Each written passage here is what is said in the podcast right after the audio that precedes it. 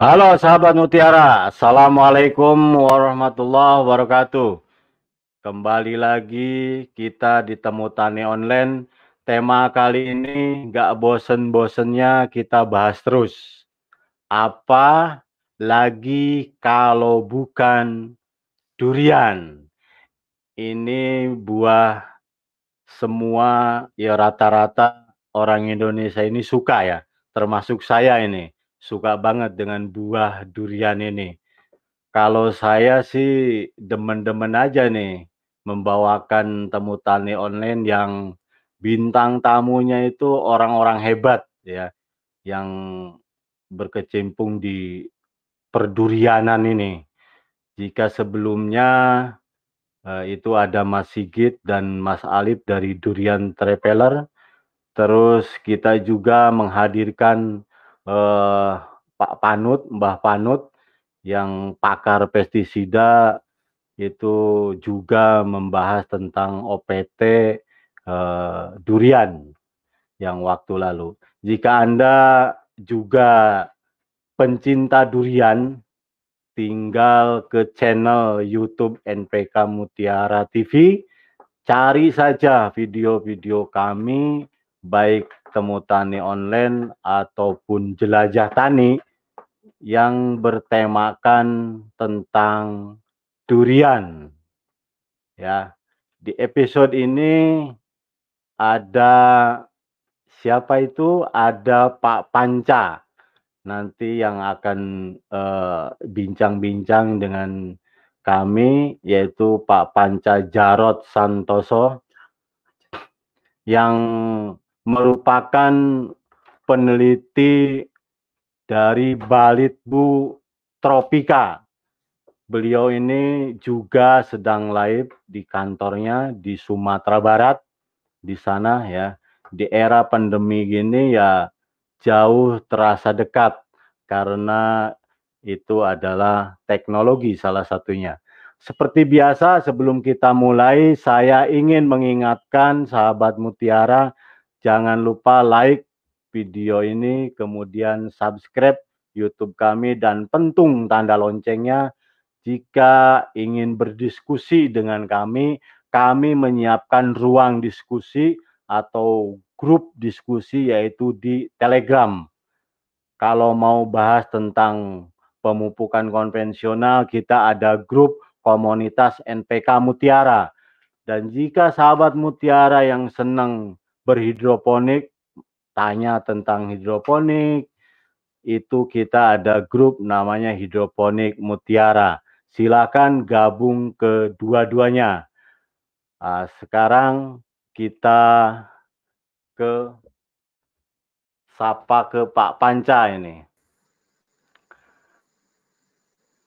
Assalamualaikum Pak Panca. Waalaikumsalam warahmatullahi wabarakatuh. Hmm. Apa Gimana kabar Pak Herman? Sehat kabarnya? Alhamdulillah kita sehat nih dari Bali tuh ini di Solo Sumatera Barat kita bisa bincang-bincang. Wes, ini di depan Pak Panca ini kok saya lihat ini ada berapa butir durian yang sudah dibelah ini juga secangkir kopi kayaknya ini. Wah ini mantap kali ini. Cuma ya. Jakarta ini nggak ada ini duriannya ini. Wah nggak bener ini, nggak dikirim ini. Itu durian nah, apa Pak Panca? Itu, itulah Pak Herman ini di kita di Sumbar, Sumatera Barat, terutama di Solo, Padang ini, kita ya. panen durian itu hampir sepanjang tahun sebenarnya jadi hmm. kita dalam satu tempat itu panen setahun dua kali dan ini arealnya luas di Sumatera ini sehingga hampir setiap hari kita bisa menemukan durian di sini. Yeah. Jadi ya panen setiap hari kalau untuk satu sumbar biasanya itu ada. Tapi nanti nih Pak Herman, silakan datang hmm. ke Sumbar. Dan ini ini tadi kita dapatnya dari Pak Kumpuh.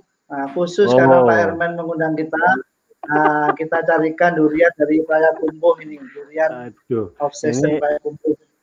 Icip-icipnya saya harus gimana ini Pak Panca ini? Jauh soalnya. Ya nanti uh, ini aja dicolek dari situ sih coba. Saya minta nah, minta bisa minta review aja dari Pak Panca lah. Ini rasanya seperti apa ini? Uh, reviewnya Boleh di, ini rasa durian.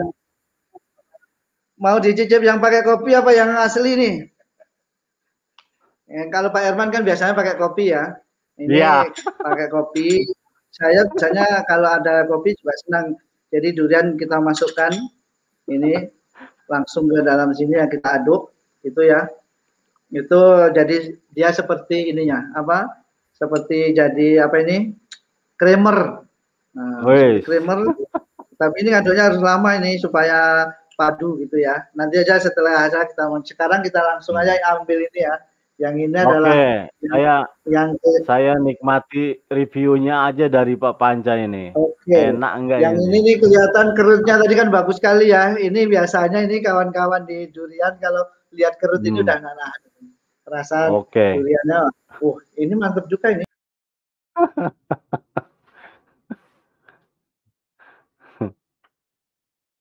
Kita tunggu reviewnya dari Pak Panca ini. Seperti apa ini?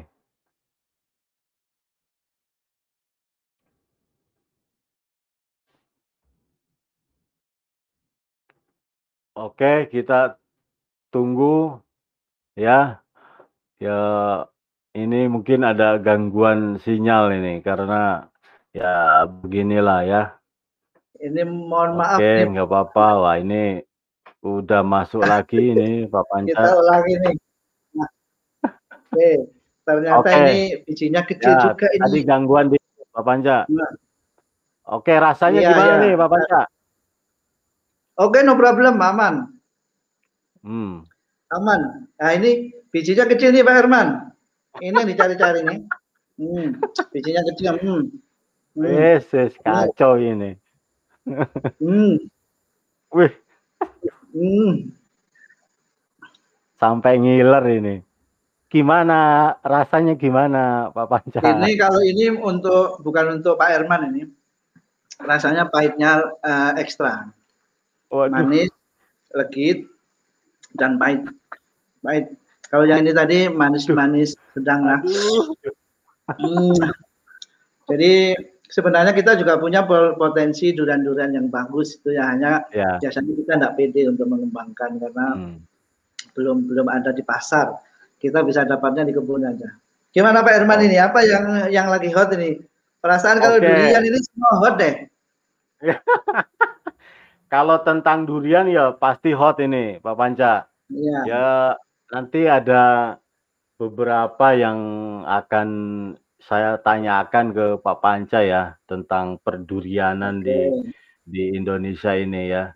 Ya, gimana tadi saya pengen tahu dulu ini dengan kopi ini seperti apa yang tadi ini? Kang, saya suruh dulu bentar ya. Jadi rasanya mantap lah. Jadi uh, apa ya? Ya nggak bisa diceritakan lah. Dia Pak Arman datang ke sini kita minum sampai rame ya. Oke nih Pak Panca. Uh, ya. Ada beberapa nanti yang ingin saya sampaikan atau tanyakan ke Pak Panca ini. Ya, jadi ya. Uh, untuk hot isu ya dari durian ini, menurut uh, Pak Panca apa aja nih tren saat ini Pak Panca? Yang menjadi Sebenarnya kalau untuk durian ya sejauh ini hmm. kan karena ini 10 tahun terakhir ini orang lagi booming nanam durian ini semua menjadi hot semua semua menjadi banyak perbincangan di, di lapang tapi ada beberapa lah kita kan waktu sebentar ya misalnya hmm. terakhir ini banyak orang membuat status di Facebook atau pertanyaan juga datang ini tentang uh, mana yang lebih bagus antara durian yang ditanam dengan bibit atau benih yang standar yang selama ini tinggi 50 hmm. 60 70 atau yang dongkelan atau bahkan yang dengan kaki tiga mana yang lebih bagus? Oke. Okay. Oke. Okay. Uh. Kalau kalau um, kita ya sebenarnya untuk daerah-daerah yang memang bisa membuat sendiri eh, bibit itu atau jaraknya dekat dengan pusat penyelenggaraan bibit maka semua sama saja keuntungannya kalau yang tanam besar tentu dia uh, lebih cepat dapat hmm. hasil kalau yang kecil tentu lebih lambat tetapi sebenarnya okay. yang perlu diperhatikan dari bibit yang uh, dongkelan itu misalkan karena dia sudah besar ini dengan didongkel itu dia banyak kehilangan akar sehingga okay. itu sebenarnya jangan terlalu besar. Kalau semakin besar pohonnya, maka semakin banyak akar yang yang terbuang. Ini okay. ketika kita tanam akan menyebabkan eh, tanam itu stuck juga dia menunggu kondisi imbang antara jumlah daun di atas tanah dengan jumlah akar yang di bawah. Jadi kalau okay. terlalu besar nanti terlalu lama dia akan diam. Nah, kalau tidak cukup air ah, malah banyak yang mati. Ini banyak kasus kematian itu karena itu. Kemudian yang kedua juga jarak ini karena masalah masalah tadi ada daun dengan akar yang tidak imbang. Kalau jaraknya hmm. terlalu jauh, misalnya kami di Sumatera memberi dongkelan dari Jawa Tengah, ini selama tiga okay. hari atau empat hari di jalan itu sangat riskan sekali. Maka di okay. packingnya, kemudian bagaimana mengelola di jalan itu menjadi hal yang sangat krusial. Uh, sehingga ini harus jadi pertimbangan. Hmm, kalau okay. memang bisa Eh, pertimbangan-pertimbangannya bagaimana sampai di tempat menjadi aman. Soal kualitas sebenarnya tidak ada tidak ada pengaruh. Yang menjadi masalah adalah apabila kita sudah beli mahal sampai di tempat kita kita tidak membeli bibit tapi membeli apa ini bangkai bibitnya karena sudah mati semua. Ini banyak kasus begitu. Itu Pak Irman kalau soal mengenai bibit. Okay. Kalau mengenai yang kaki tiga atau kaki satu, Pak Panja, uh, ya, sorry, saya potong dulu Pak Panja. Kalau untuk Kenapa? dongkelan nih, Ya. Itu maksimal uh, umur berapa yang yang ya yang mudah dirawat lah ini Pak Panca? Kalau, Kalau sejauh ini yang uh. sejauh ini yang aman itu kurang lebih yang tinggi satu seperempat sampai satu setengah. Jangan okay. lebih dari satu setengah meter sebenarnya itu yang paling aman kalau dalam nanam dalam jumlah banyak ya. Ini hmm. satu setengah itu optimal lah. Kalau lebih dari itu riskan di dalam uh, transportasi tadi. Oke. Uh, gini Pak Panja, sekarang kan lagi heboh juga nih Pak Panja, ya. Iya. Sebenarnya untuk apa triple gitu ya, tree planting ya. ini gimana ini? Ya.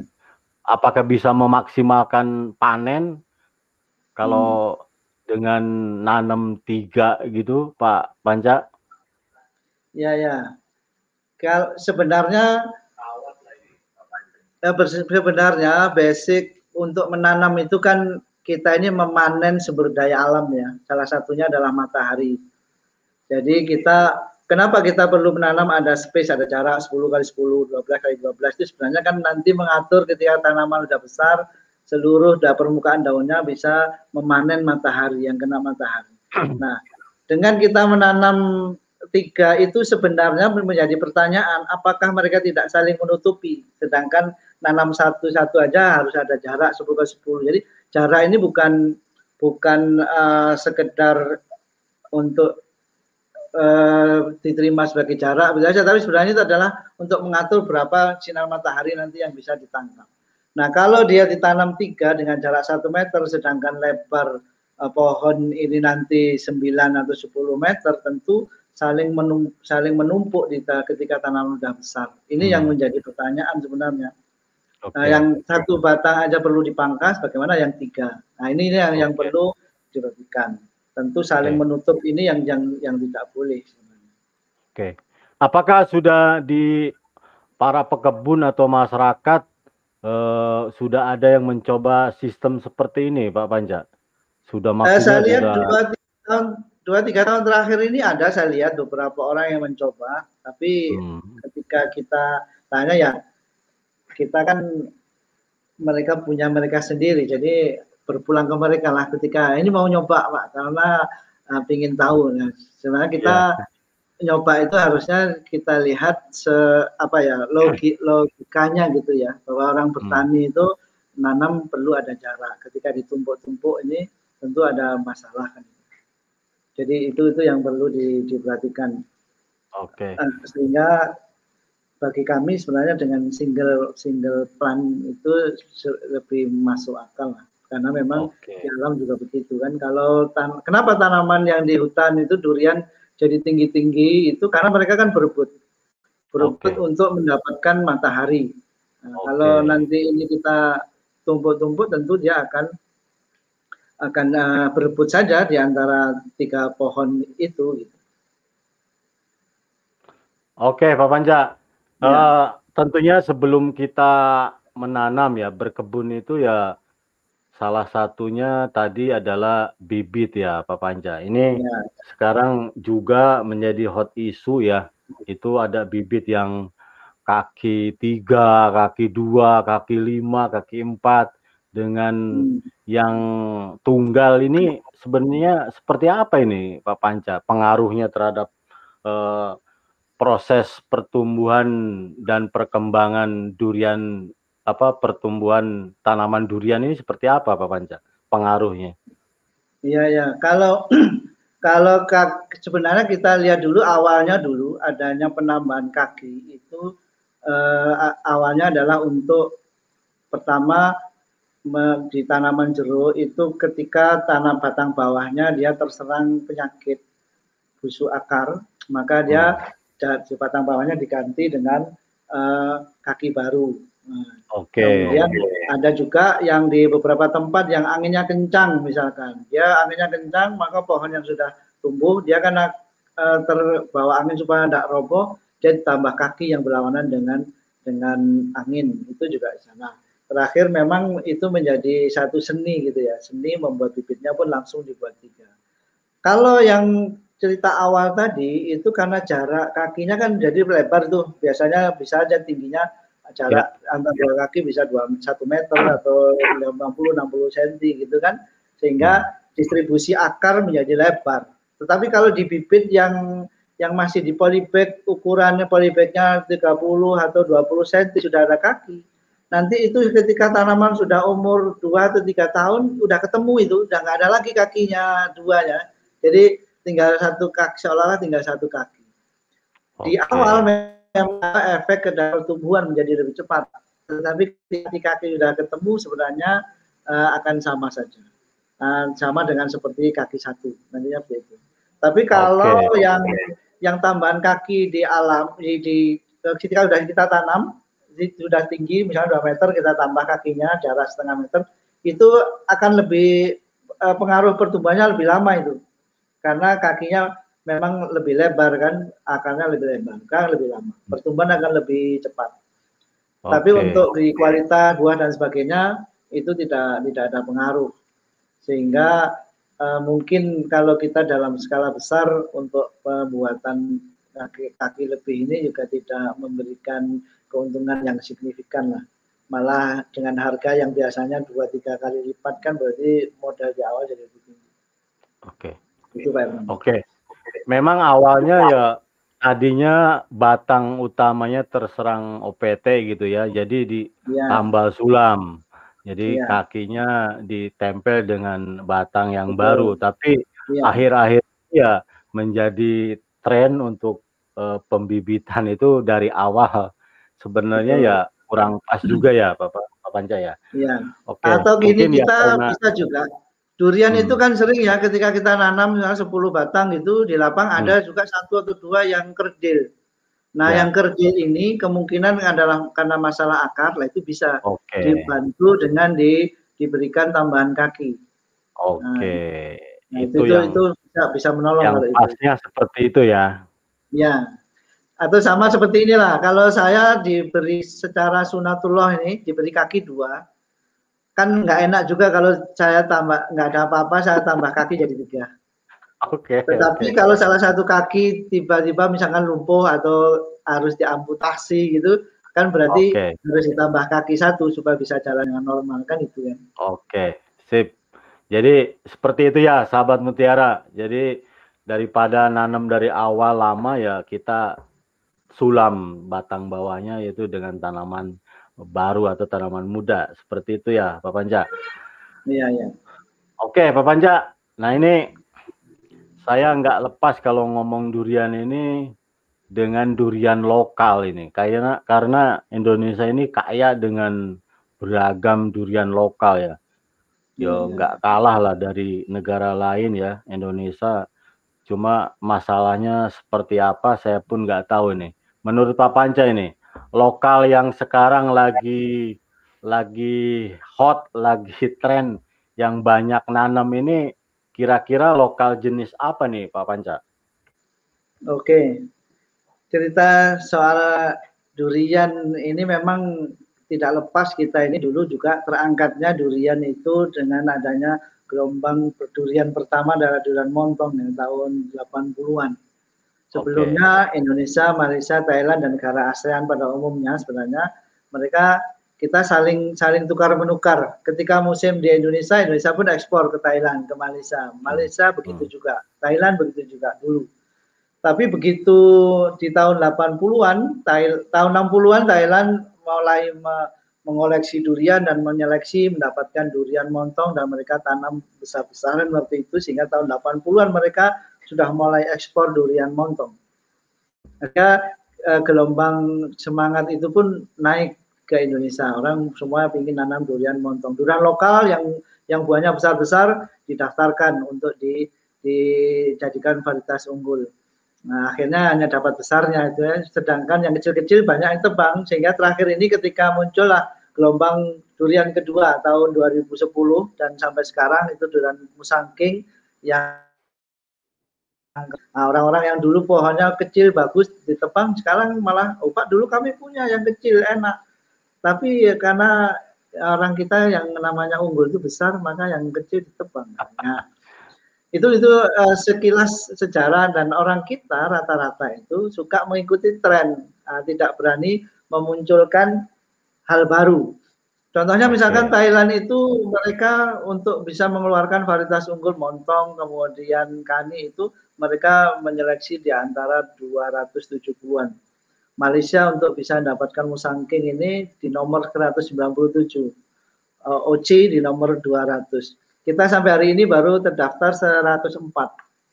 Kita untuk tanaman buah-buahan yang lebih dulu adalah di mangga. Mangga kita mendaftarkan tahun 30 36 baru memulai. Malaysia mendaftarkan mulai mengelola durian tahun 33 34. Nah, kita mangga bisa di depan, tapi untuk durian kita baru ada pendaftaran pertama itu tahun 84. Dan kita banyak memang varietas-varietas unggul yang yang sebenarnya bisa berpotensi, tetapi karena ini belum ada contoh buah yang bisa sampai ke depan mata kita, sehingga orang tidak percaya ini mana. Misalkan kalau hari ini kita lihat di Facebook, kawan-kawan kita dari berbagai daerah di Indonesia setiap hari menampilkan ini varietas unggul yang ini, yang itu, yang ini, yang itu, dan bagus-bagus sebenarnya. Tetapi kan ketika kita kunjungi ke tempat dia, cari mana buahnya, nah, cari pohonnya kadang juga nggak ketemu. Nah ini yang yang jadi masalah. Nah, untuk bisa mengangkat ini tentu harus ada contoh buah yang bisa di, mudah didapat oleh masyarakat. Contohnya kemarin misalkan musangking itu prosesnya 130 tahun itu untuk bisa terkenal. Ditemukan 1894 atau 7. Kemudian didaftarkan tahun 75. Uh, 100 tahun kemudian dan kemudian terkenal lah dari 75 sampai sekarang ini kan berarti sudah 30 eh, 45 tahun ya. Nah, ya, betul. Atau kalau 10 kalau 10 tahun lalu berarti 35 tahun dia sejak didaftarkan untuk kenal. Nah, maka untuk supaya kita punya varietas lokal kita ini naik sebenarnya harus kalau kita yang punya pohonnya diperbanyak dan dibagi atau ditanam di kebun kita. Contoh yang yang seperti ini yang musangking sendiri, yang musangking itu ditemukan 100 tahun lalu oleh sepemiliknya diperbanyak ditanam di saudaranya, di kawannya, di kenalannya gitu kan. Dia sendiri tanam begitu 100 tahun kemudian jadi banyak didaftarkan. Sama juga kalau di kita bawor atau sebenarnya itu aslinya adalah cani dari dari Thailand. 40 tahun lalu ditanam oleh Mbah Kromo. Diperbanyaklah di situ. Orang sekitarnya ikut termasuk yang Mbah uh, Sarno dan lain-lain di situ. Akhirnya di Banyumas sekarang itu lebih 50 ribu pohon ada di sana durian Kromo Banyumas atau bawor atau yang aslinya adalah candi. Tapi dia didaftarkan kan baru empat tahun lalu. Begitu sudah berkembang banyak orang suka baru daftar. Banyak juga pendaftaran yang yang selama ini ada yang 104 itu yang introduksi kan atau 4 atau 5 itu. Yang 100 berarti lokal betul lokal. tapi biasanya dia hanya ditemukan bagus, kemudian oleh pemerintah daerahnya didaftarkan. Tapi setelah itu tidak diikuti oleh si, uh, usaha pengembangan yang yang apa yang tersistem. Kalau serius sebenarnya serius karena setiap tahun mereka mengeluarkan uang untuk untuk mengembangkan, tapi tidak tersistem sehingga uh, bibit dibagi hilang, dibagi tidak berkembang. Nah, tetapi ini untuk yang terakhir kita ada yang, muncul adalah durian cumasi atau namlung betaling di daftar namlung okay. betaling di tahun 2001 atau 2002 itu dulu ketika awal-awal setelah kita daftarkan yang kebetulan senior kami yang mendaftarkan itu orang juga belum belum banyak perhatian tapi beberapa petani di uh, Bangka mereka karena memang orang Bangka ini suka durian dan namlung ini mereka anggap bagus maka mereka tanam banyak. Nah kemudian beberapa tahun terakhir ini karena udah banyak buah di pasar orang bisa mendapatkan orang yang tertarik bisa pesan kemudian banyak status-status Facebook bicara uh, namlung maka namlung naik. Sekarang permintaan banyak bibitnya yang belum banyak tersedia. Nah, kami pun kesulitan kadang memberikan info karena banyak orang tanya itu demikian juga yang menyusul berikutnya adalah durian super tembaga nah, super tembaga ini juga sudah banyak nanam di di Bangka sana hmm. sehingga beberapa kebun sudah berbuah sehingga masyarakat jadi tertarik jadi kalau mau kita mengangkat durian yang bagus dari kampung kita, dari dari asal kita, tanam aja dulu. Jangan mikirkan pendaftarannya, jangan mikirkan ininya, tanam dulu yang banyak. Kolega dikasih, ini dikasih, nah, kita sendiri nanam. Nanti 10 tahun ke depan, nah itu bisa. Karena selera orang terhadap duriannya akan akan berubah, akan bergerak. Saya kira itu Pak Irman. Oke, berarti ya memang harus gerakannya harus masif ya Pak Panca. Sebenarnya karena... harus masif ini ya. ya.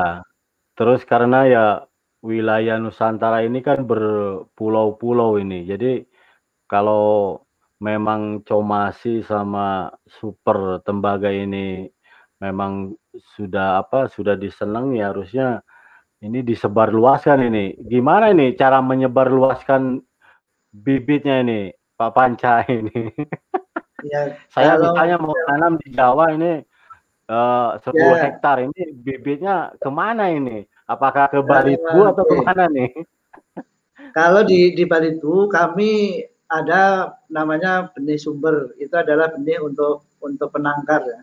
Karena kalau kami yang membuat bibit kan nanti orang uh, itu harusnya menjadi lahan bisnis masyarakat, jangan Balibu. Tapi Balibu menyediakan pohon induk. Kita menyediakan pohon induk itu rata-rata untuk durian uh, dalam setahun sekitar 5.000 pohon untuk nah kalau nanti kalau yang permintaan banyak tahun ini juga kita akan buat yang cumasi atau namlung mutaling yang super tembaga ini yang belum terdaftar masih dalam proses mungkin akhir tahun atau tengah tahun ini baru baru muncul nah okay. kalau untuk untuk menyebarkan kalau dari sistem kami tentu dari benih sumber ini kita sebar di penangkar-penangkar nah nanti dari penangkar yang memproduksi untuk bibit Nah, kalau masyarakat sendiri sekarang tentu pesannya adalah ke ke daerah Bangka sendiri. Sebenarnya Bangka ada beberapa penangkar sudah yang yang mereka uh, sedang memproduksi besar-besaran.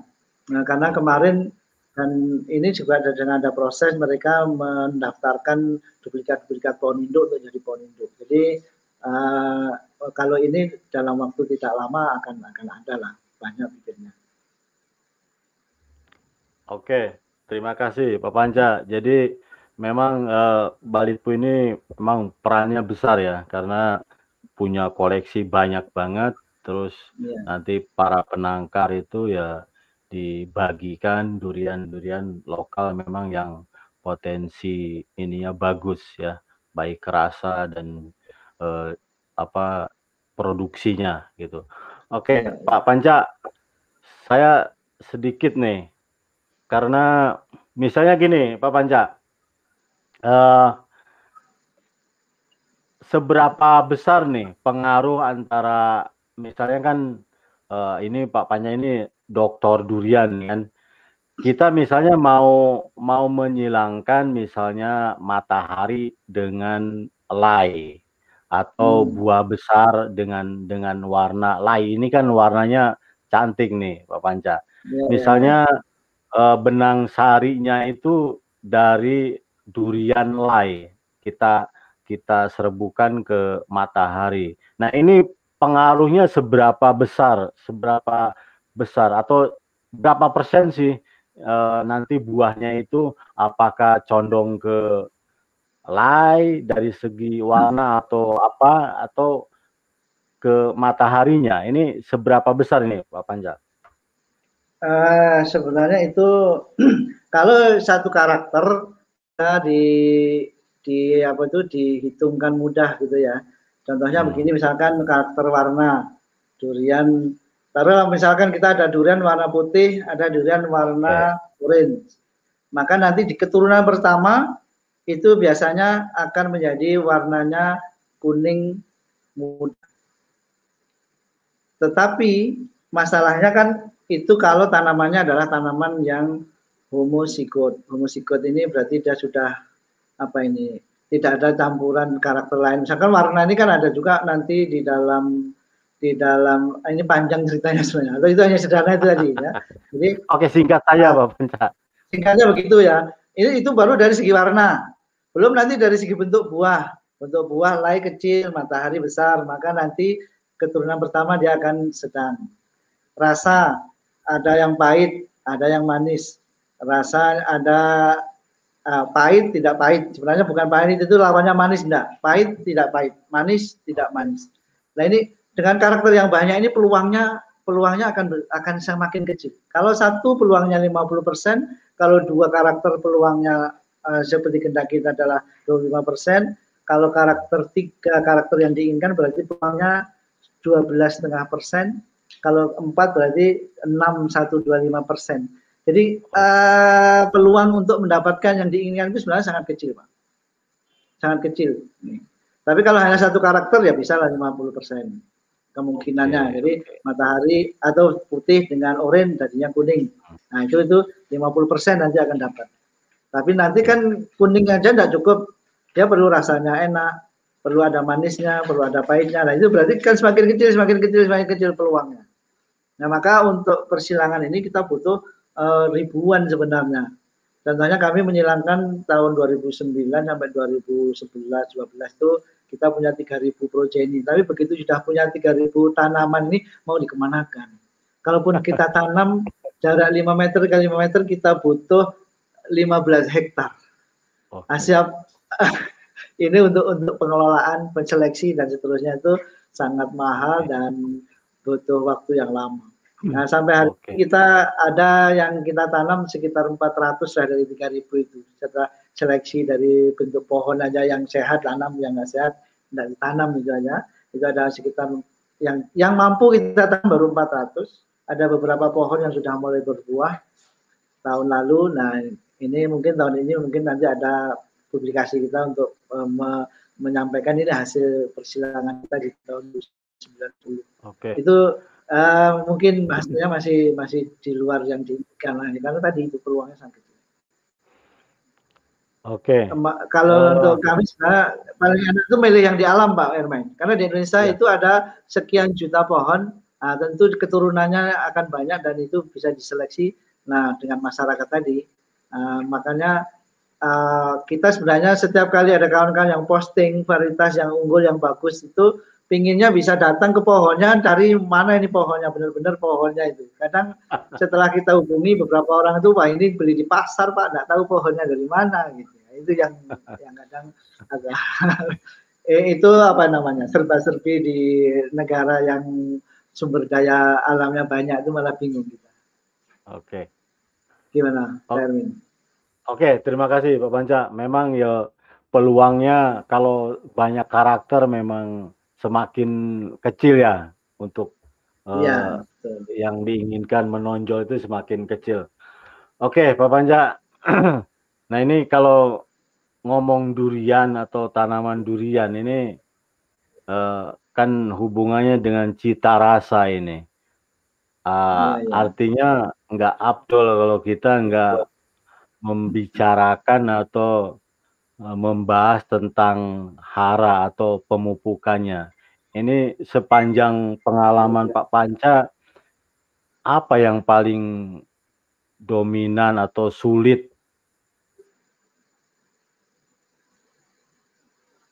Untuk pupuk, uh, untuk rasa ini sebenarnya kan sangat tergantung dengan pemeliharaan terutama pupuk, air dan matahari ya sebenarnya. Jadi sebenarnya ya semua faktor ini mempengaruhi. Tapi sejauh ini permasalahan di, di kita di Indonesia kalau dibandingkan dengan tempat lain itu adalah di kita adalah di pupuk. Kenapa? Karena eh, lahan kita ini berbeda dengan yang di Malaysia maupun di eh, Thailand ya. Eh, Indonesia ini 60-70 persen lahan kita ini adalah um, kekurangan kalsium. Jadi pH rendah. Sehingga banyak kasus-kasus terjadi itu sebenarnya mencirikan dia kekurangan kalsium. Dan di tanaman durian itu kebutuhan kalsium itu kurang lebih kurang lebih sama dengan kebutuhan kalium. Selama ini pupuk yang dihasilkan misalkan pupuk mutiara itu kan NPK 16 16 16 atau pupuk yang lain juga. Ini sebenarnya kalau untuk itu lebih cocok untuk tanaman pangan. Untuk tanaman durian dan pohon-pohonan itu kurang. Perlu ada tambahan CA. Nah, maka kalau saya biasanya ditanya orang lebih condong kalau untuk pupuk durian itu lebih menggunakan yang uh, grower misalkan. Grower itu ada CA-nya di sana, ada sulfurnya dan ada TE. Nah, selama ini banyak orang memupuk durian itu hanya dengan NPK, NPK, NPK 16, 16, 16 sehingga setelah pemberian kesekian tanaman jadi overdose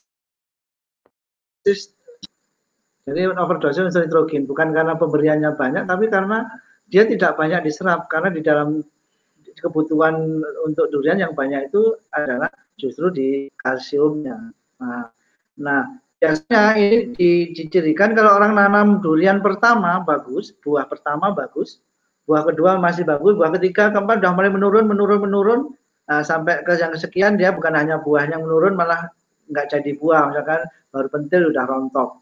Kemudian lebih parah lagi baru sebenarnya uh, dominan kekurangan kalsium sebenarnya di situ.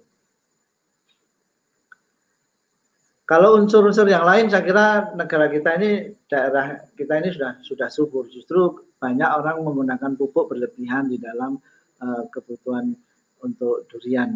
Nah, tapi yang yang yang CA tidak banyak diperhatikan. Dan untuk uh, rasa yang yang yang yang lumer, yang padat, yang daging yang tebal itu juga lebih banyak banyak dipengaruhi oleh CA. Kulit durian kan itu kali gitu ya. Itu makanya ya. kalau kekurangan CA kan nampak sekali durian misalnya pecah, ujungnya busuk. Itu hmm. karena serangan penyakit. Kemudian rasanya jadi hambar. Nah, itu sebenarnya lebih banyak karena kekurangan CA. Jadi ini oh, penting untuk masukan CA di, di durian itu Pak Herman. Oke, Oke. tadi uh, sinyal kita uh, agak terputus uh, Pak Panja. Ya, Jadi ya.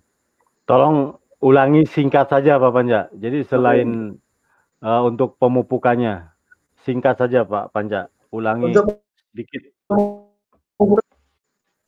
Ya, bahwa di lahan tanah kita itu kebanyakan rendah, rendah CA, sedangkan kebutuhan durian itu CA CA itu kebutuhannya uh, kurang lebih sama dengan K dengan kalium. Kalsium dan kalium okay. kebutuhannya uh, sama-sama tinggi sehingga di dalam pupuk kita penting ada tambahan asupan CA.